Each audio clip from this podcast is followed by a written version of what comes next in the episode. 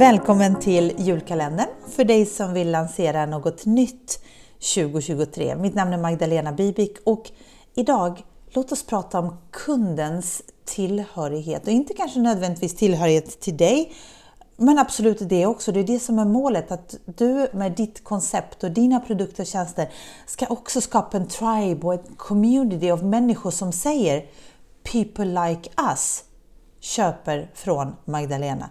People like us har köpt The Blueprint. People like us lyssnar på den här podden.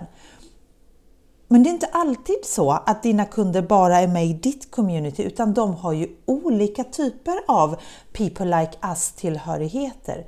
Och de där tillhörigheterna kan vara i alla livets eh, olika skeden och aspekter och delar, både professionellt och privat och idealistiskt, politiskt, idrottsligt. Och jag skulle, jag skulle vilja uppmana dig att eh, ta papper och penna och skriva ner dina mm, people like us eller människor som vi. Och jag ska ge dig några exempel på mina så att du förstår vad, vad utspritt det här är. Men människor som vi, eller människor som jag, människor som vi adopterar hundar, människor som vi är minimalister, människor som vi är måna om vad de säger, människor som vi klär sig bara i svart, människor som vi dricker Zoegas kaffe, människor som vi har minst två examen på universitetet, människor som vi kör elbil eller människor, människor som vi kör inte elbil, människor som vi läser inte och så vidare.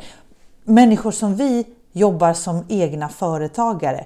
Människor som vi tar inte svart betalt. Ja, du förstår, det finns en mängd olika saker som är väldigt viktigt och så pass viktigt för dina kunder att de kommer säga människor som vi gör så här. Det behöver du vara uppmärksam på. Vilken typ av people like us är dina kunder en del av, dina idealkunder? Finns det en röd tråd? Finns det ett mönster? För finns det ett mönster så skulle du kunna kliva in i det sammanhanget och säga människor som gillar det här gillar troligen också det här. Och i det här People Like Us så finns det frontfigurer som människor lyssnar på.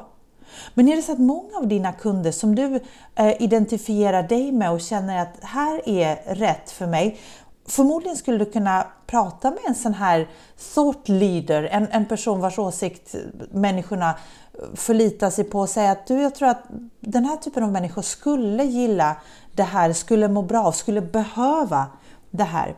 Vad jag vill uppmärksamma dig på är att den här People Like Us inte alltid är logisk. Om du skapar någonting som är helt fantastiskt, någonting som kunderna behöver, någonting som löser deras problem, du vet enligt, enligt regelboken, enligt manualen och konstens alla regler.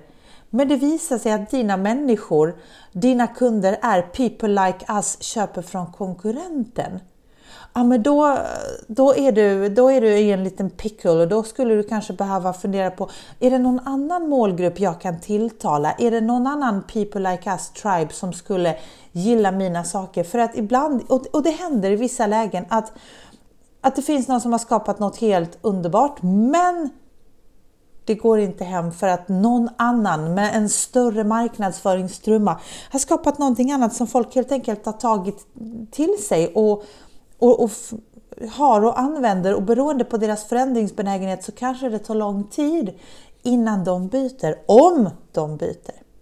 Så var uppmärksam på vilken typ av people like us konstellationer eller, eller koncept som dina idealkunder gärna är en del av. Kan du nyttja dem? Ska du vara rädd för dem? Kan du, kan du mäta dig med dem?